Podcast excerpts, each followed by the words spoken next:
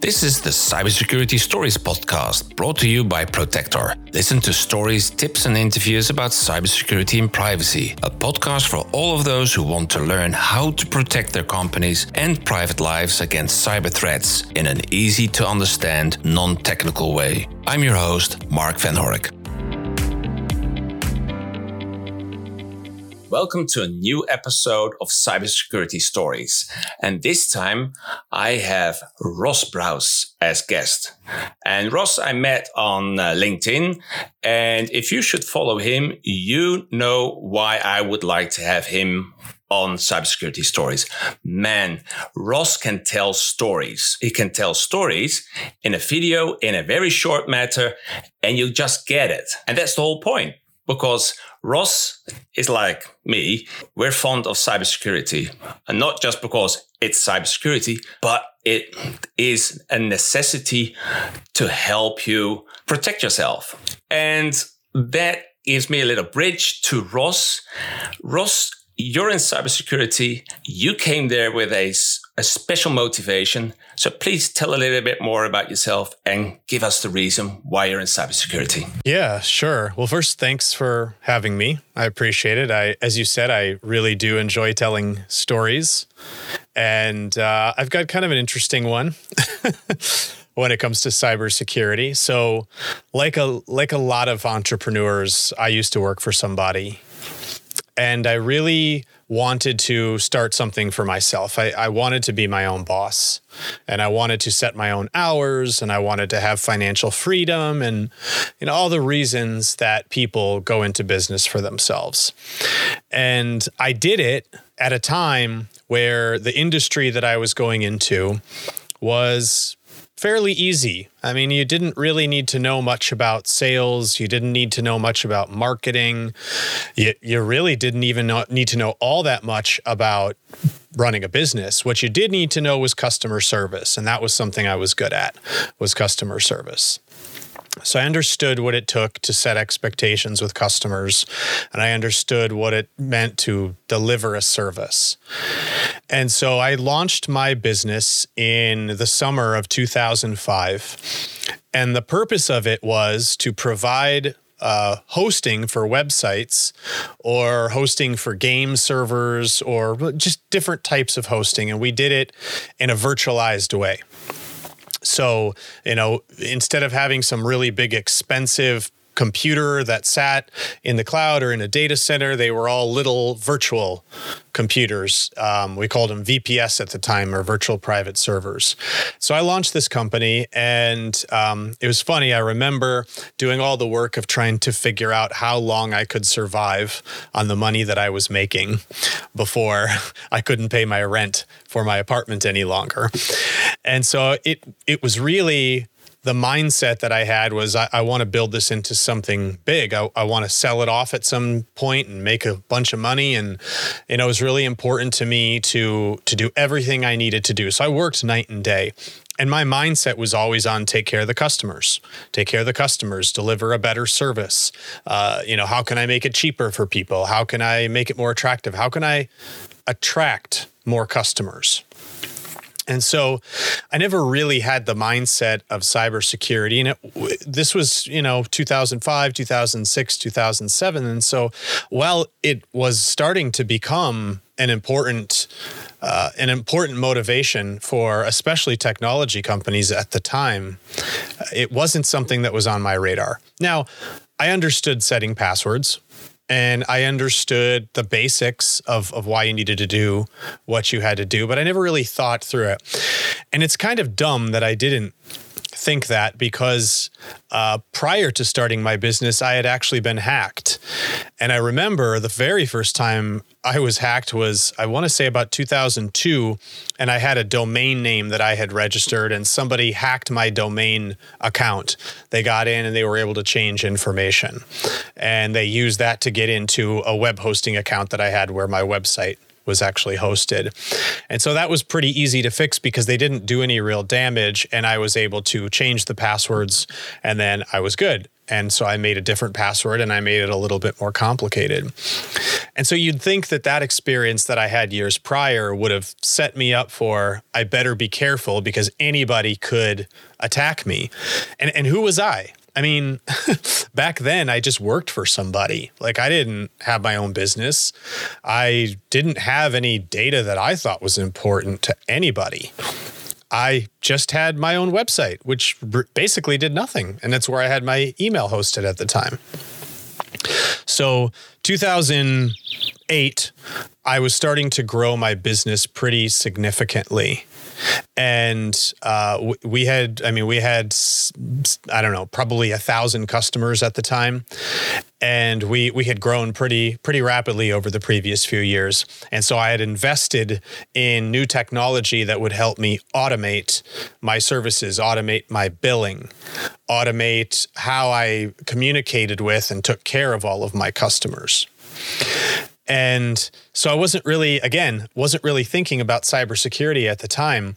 And we had this uh, computer, the server, where we hosted all of our customer data, and we had it's how we build, it's how we did our our support, and it's how we controlled everything. So, for example, if you wanted to come to me and you wanted to buy my service, you'd come to my website, and you'd go through this wizard on my website where you'd click next, next, next, and you'd choose options and then it would check you out. And once you got through that, it would automatically, once you paid, it would automatically provision the services that you were going to get from me. And so this server was everything to our business. It's where we had all of our customer data. It's where we had all of our information, everything that it was was required to run our business. And back then, we we had local firewalls, but we didn't build these like private networks that had a firewall and had everything behind it with all kinds of advanced tools running on them that were detecting potential breaches. Like we didn't do any of that. This server just sat out on the internet and you could log into it if you had the username and password, which we did. And so I remember one of my engineers, one of my employees, who said, uh, Hey, uh, he came to me one day, and this was in ter- 2009. And he came to me one day and said, um, I'm seeing some funny things on this server.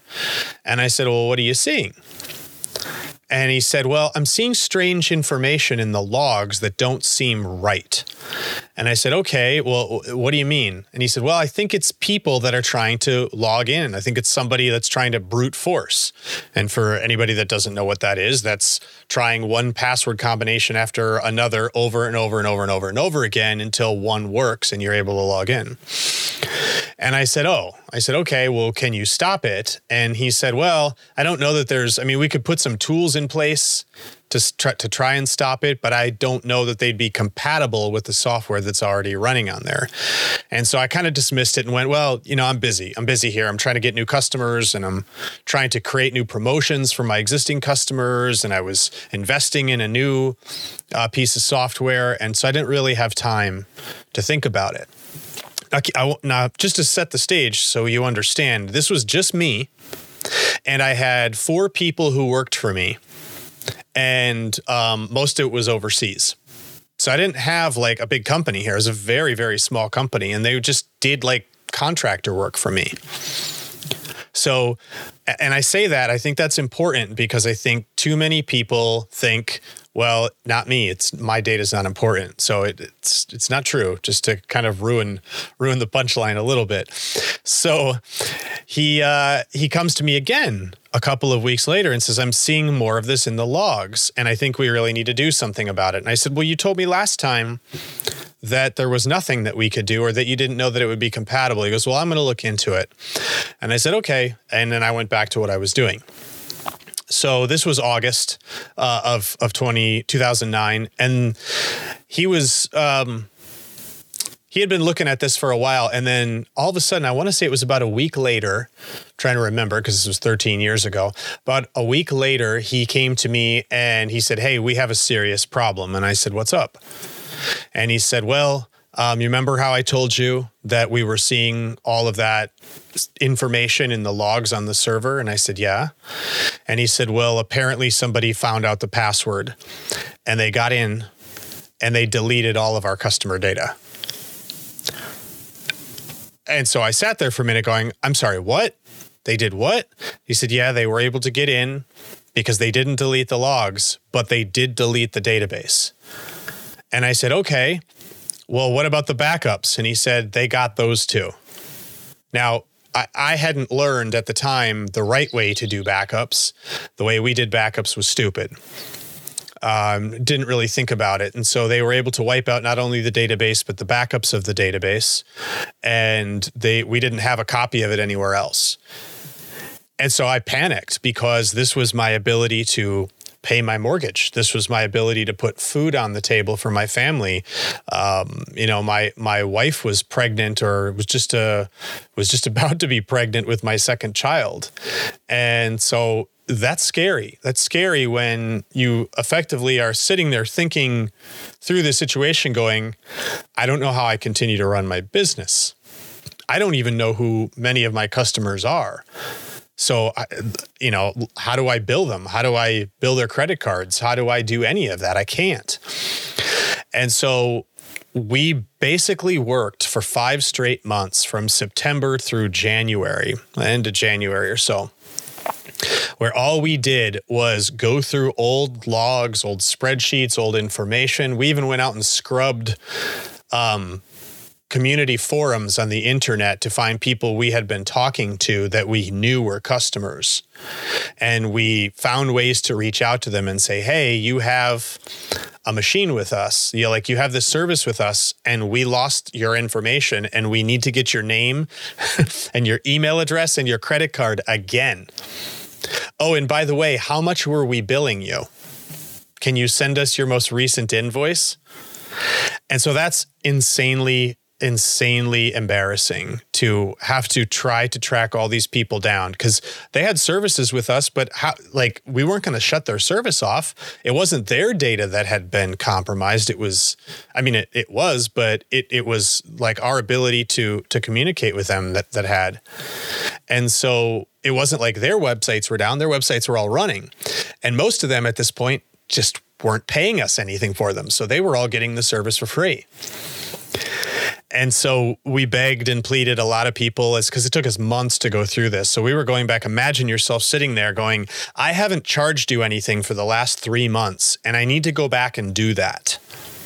And they're going, No, you can't do that. Can't charge me for the last three months. And you'd say something like, Well, I know that you knew you had this service, you were using it. Or they'd make up some excuse and say, No, I'm not using it anymore, cancel it. And so we lost over that five months, we lost about 40 per 30, 40% of our total business. Uh, we, we, were only able to recover about 60 to 70% of all of our customer data. And that took us working seven days a week, effectively 16 to 18 hours a day, just trying to recover and, and find all this data, which was manual work because we didn't have a copy of it. And that was devastating that was devastating. I ended up selling my business a year later. I, I, didn't sell it, I merged it. But the hit that I had taken from that greatly reduced what it was worth. It would have been worth significantly more had I not have allowed that to happen. And as you can imagine, like so many people once that happened to me, I started making new decisions. I started putting in firewalls. I started building VPN networks. I started thinking about security around the clock. What else can I do? What else can I do? And it's it's terrible that it takes us having to get to that point to actually make a decision to make a change. And I don't know why that is. I mean, I I I know we do plenty of other things in our lives that are not like that. We go to the doctor because we want to make sure that we're healthy. Um, we exercise because we want to make sure that you know we keep our, our bodies healthy. We, we do these other proactive things. You know we take care of our families. We put locks and door locks on our doors and windows. We install alarm systems in our homes. And yet we ignore this thing that we all rely on to feed our families and to take care of our employees and their families. Like we ignore how dangerous what we're doing is. And we don't think about the dangers and the risks that face us with our businesses. And i don't know i, I don't know why that is why there is this well, i have an idea but i don't know why more people need to have to go through that terrible event before they perk up and say all right it's time to do something and so, my mission, my goal on LinkedIn with the videos that I create and the posts that I make are about bringing awareness and, and not to do it. And I know I've done this from time to time. It's not to do it in a way that scares people because I don't think that scaring people is the way to get them to make a change. I do it in a way that is entertaining or informative or relatable to something that I think most people understand and know so that they can begin to connect what you need to do from a cybersecurity perspective in your business versus what you do in these other areas of your life to protect the things that are most important to you, like your life, your health, your family. That's one amazing story, uh, Ross. And I can hardly imagine how you have felt. Something that you've worked so hard for, and then from one day and another, it changes. It's it's a, a life changing event. So I'm very curious. Uh, you talked about the negative impact, financial, the reputation, uh, all of that. that. That's very business related. But how did that affect you as a person, your your personal life, how, because we always talk about if, if your business is going to be hacked and these are the impacts, but there there has to be a significant impact also on your personal life, something that we hardly talk about. Can you tell a little bit about that? You don't have to go in all too much details, but I, I just, I want the listeners to know that it's not just your business being impacted but also yourself? Yeah, and and it's a great question. You know, I already had I already worked a lot because I, I like to work. I'm very passionate about what I do. So for me, I'm very I'm very purpose driven. So it wasn't it wasn't strange to spend a lot of time working, but it's different when you're working to build your purpose versus saving your life. So it's it's the growth versus survival. And I went very quickly from that mindset of growth to a mindset of survival. And when you go into that survival mode and you're trying to, you know, you've got all those negative thoughts running through your mind what's going to happen? What are my customers going to say? Is, is something worse going to come out of this? Is, is there some other part of my system that's compromised? What if, what if they didn't just delete the data? What if they are going to release all that information? Um, you know and and so you start to apply this pressure and anxiety and frustration and and that has a huge physical impact to your body and to your mind. So i i might i might have slept two or three hours a night. I, I lived on pizza. I drank a lot of alcohol. Uh, you know and and i did that as coping mechanisms just to get by because I didn't know what else to do. And so I just went into this kind of like um, overnight cramming college session of, of just making a lot of bad choices personally. I didn't spend time with my my kids. You know, my daughter at the time was three years old. She just turned three, and I, I wasn't spending any time with her or my wife. I wasn't, uh, you know, my, my wife had, had just gotten pregnant with our second child. I, I wasn't spending any time with her. Uh, she, you know, we were fighting because I had to, she, she needed my help. She needed my help, and I wasn't there for her because I was trying to save my business. And it was sad because there's, so many things I could have avoided. I, I've could I could have been healthy. I could have not missed several moments with with my wife and daughter that I ended up missing because I had to stay focused on that for so long. I, I could have taken care of my own health at the time. I could have had fun memories and experiences in my life that I didn't get to have because I was doing this. And the funny part is it it was completely preventable. Like all of those things that I went through were completely preventable.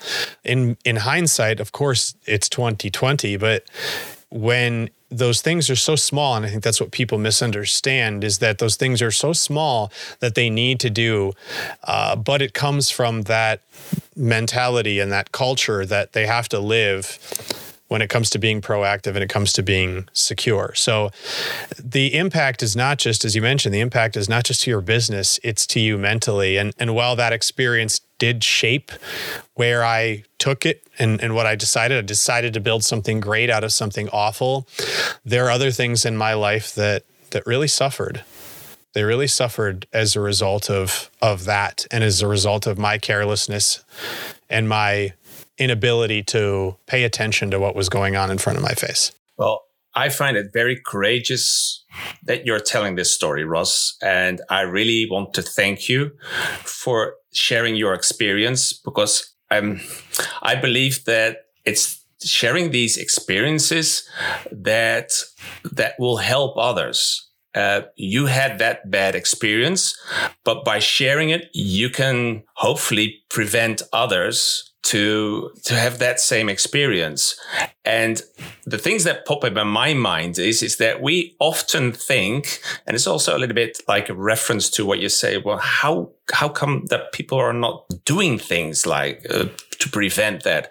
And i've had previous conversations with people that with with privacy and with data ethics and all that kind of stuff. And what we said is that because it's not visible, people tend to say feel that it's not important. Whilst if you would say the same thing and it was like in a car and you were driving on a car in high speed, but you wouldn't have your belt on, because I'm just going to do a very quick shopping thing. It's just around the corner. And in the round the corner, you um, have to punch the brakes because somebody is walking like a kid or something like that. And in that fraction of a second, either you got injured because you have to brake and you didn't have your belt on or something else happens. And that was also a life changer. But people don't seem to really think because if you tell that, yes, because it's very visible. But what you've experienced with an hacker, someone you haven't seen, you haven't noticed, and he or she has done something completely devastating. It's it's your entrepreneur's worst nightmare coming true, becoming a reality. And I, I, can imagine that it's it's something similar. I have not. Oh, that's not true. I did have that experience of having a burglar in my home, but thank goodness I was alone.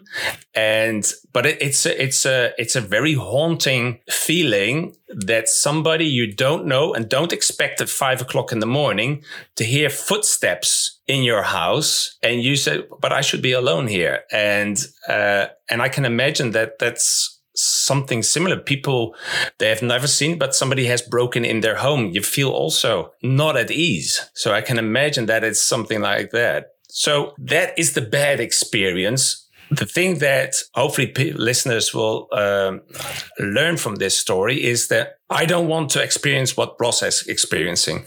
So can you tell how your life used this negative moment to change it, as you said, in something good. Can you go a little bit more on that path? Yeah, absolutely. And, you know, I, I don't, first of all, I worked in technology. So I think that's important to understand.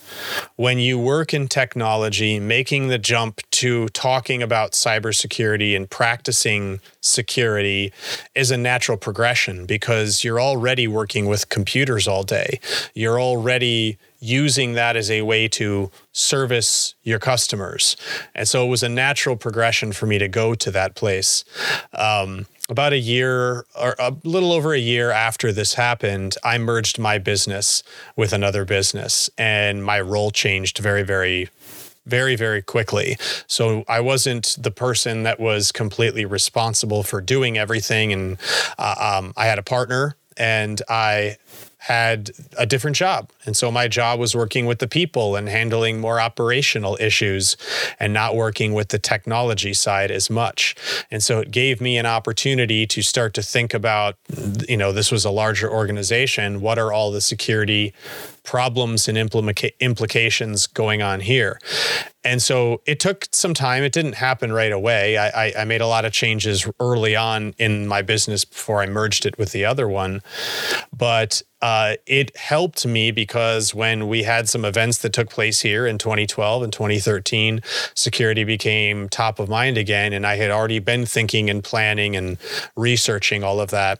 So it, it was a progression for me that took many, many years uh, until I started really seeing myself as somebody who genuinely cares and is invested in security. And, you know, we say cybersecurity, but the fact of the matter is it's really just security because there's so many aspects to security. There's physical security there's privacy um, you know there's the tools. And i think a lot of people believe that cybersecurity is just about deploying tools. It isn't. Cybersecurity is about documentation and process. It's about making a decision about what you're going to do before you do it so that when you execute upon it, you do it the right way and you do it in a way that you know is going to protect and benefit your business at the same time. And I think that's the mistake that that people make is they they haven't yet learned that cybersecurity and technology aren't meant to be these annoying expenses that are dragging your business down. They're meant to be enablers for you to provide a better product or service to your customer. And if you use them the right way, that's what that's what you achieve. And you don't have to be in technology to do that. Every business today relies on technology to be able to provide their product or service to their customer. And that technology shouldn't get in the way of doing that. It should make it easier. And the people the money that people spend on technology and cybersecurity they do so because they feel like they're trying to mitigate a loss, but at the same time, how dangerous is it? How much risk am I really at? How much could I really possibly stand to lose? Because there's this thing that I want to spend money on that's going to help my business, and I'd rather spend money there. And, and that's the problem. That's the problem because if they start focusing on how to spend money in the right way around technology and cybersecurity, it is the difference maker that will change the face of their business. And it's getting their mind wrapped around that. Yeah, I would say, I almost say amen to that.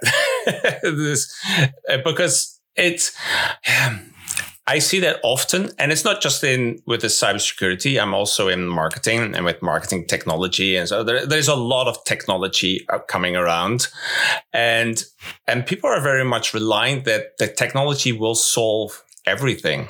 So just have the technology tools in place, and then we're good. But the technology tools won't help you if somebody opens the gate door so somebody can just parade inside. We, it's not because, not without reason that one of these malware things is called the Trojan horse. Uh, it's, it's, it, if, if you've got all of this technology in place and somebody, uh, just gives through social engineering gives the, the, the key to the house, then they will get in and they will have access to to everything. And it's it's so important that you don't be just purely reliant on technology but have the people also involved. And yeah security of security awareness what we but it's making people really aware and that's i think you're doing an absolute great job with your videos making it uh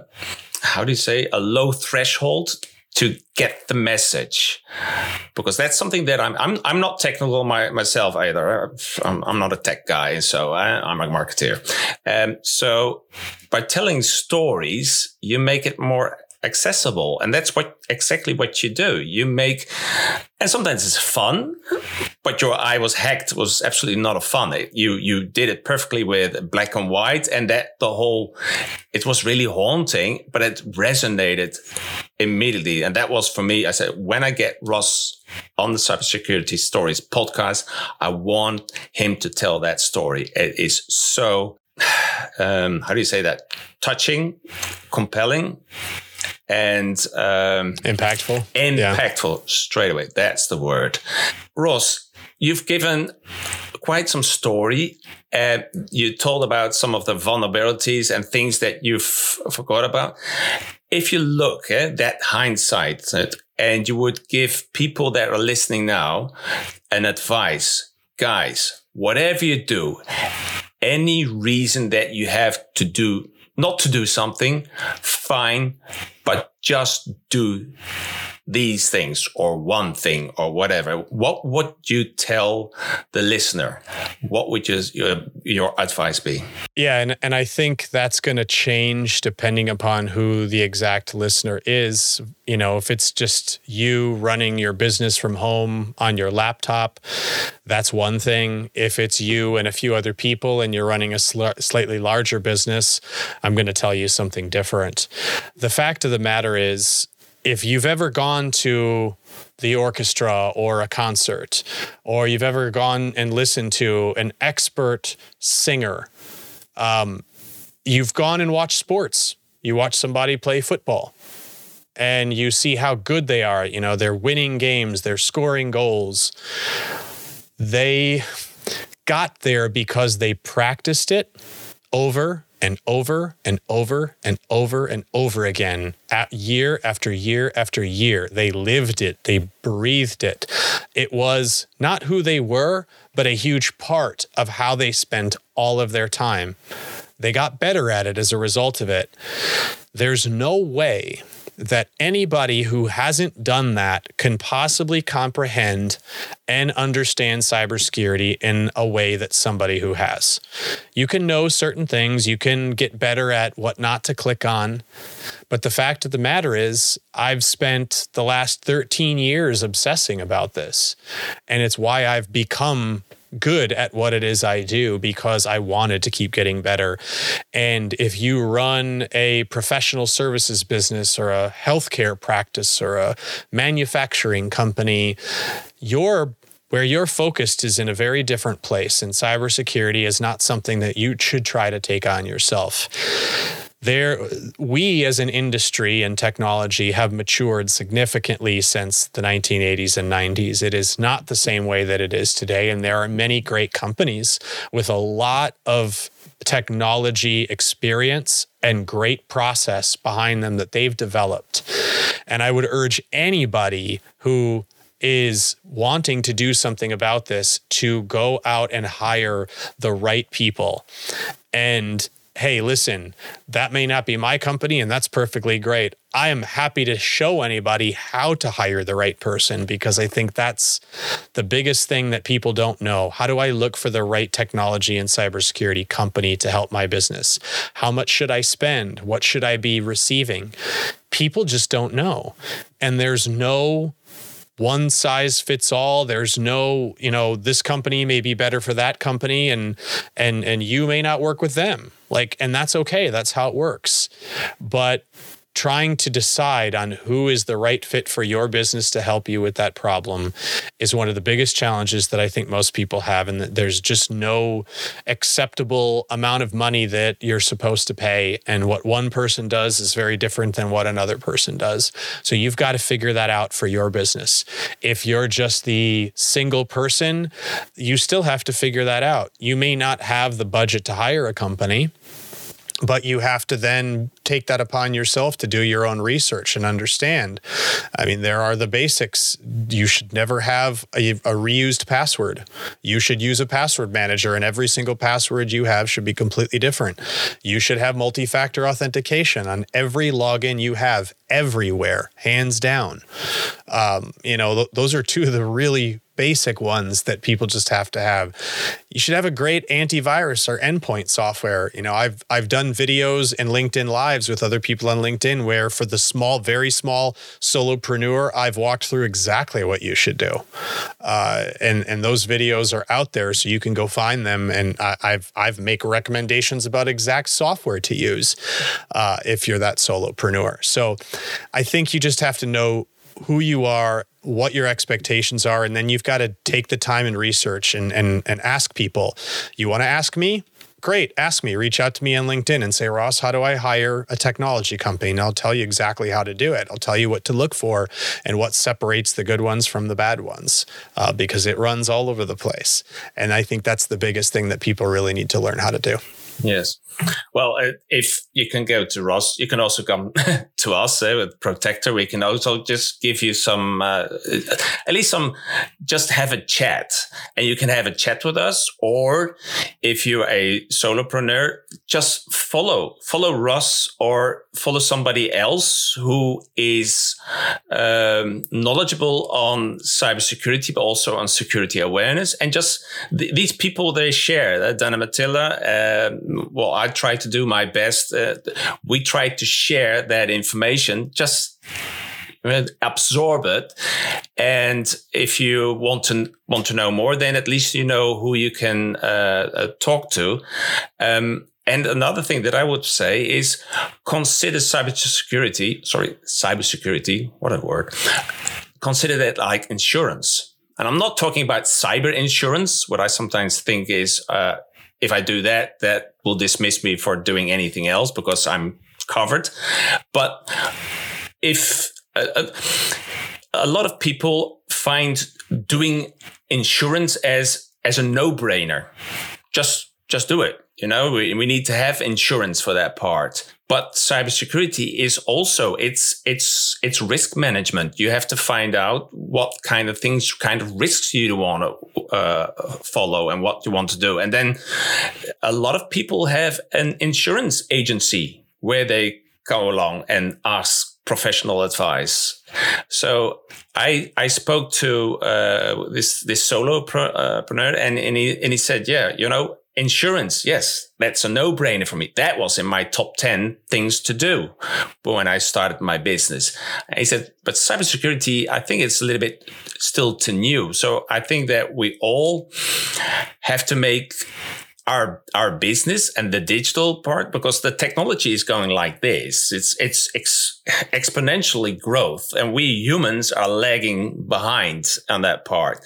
So that gap is going to be wider and wider but at least if you acknowledge that that is there and do certain steps and the and the fun thing that every people person that i speak to, if we just did these simple steps, that would make a big difference. If more people will do this, the whole society benefits by becoming more secure.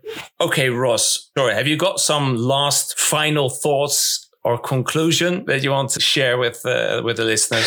Yeah, uh, don't don't be scared. Don't be scared. Fear is not a motivator to change. Uh, you have to be open minded about the possibilities and be willing to spend the time. You know, there are basics that everybody should have to be that everybody should have in place. Like I mentioned before, get a password manager.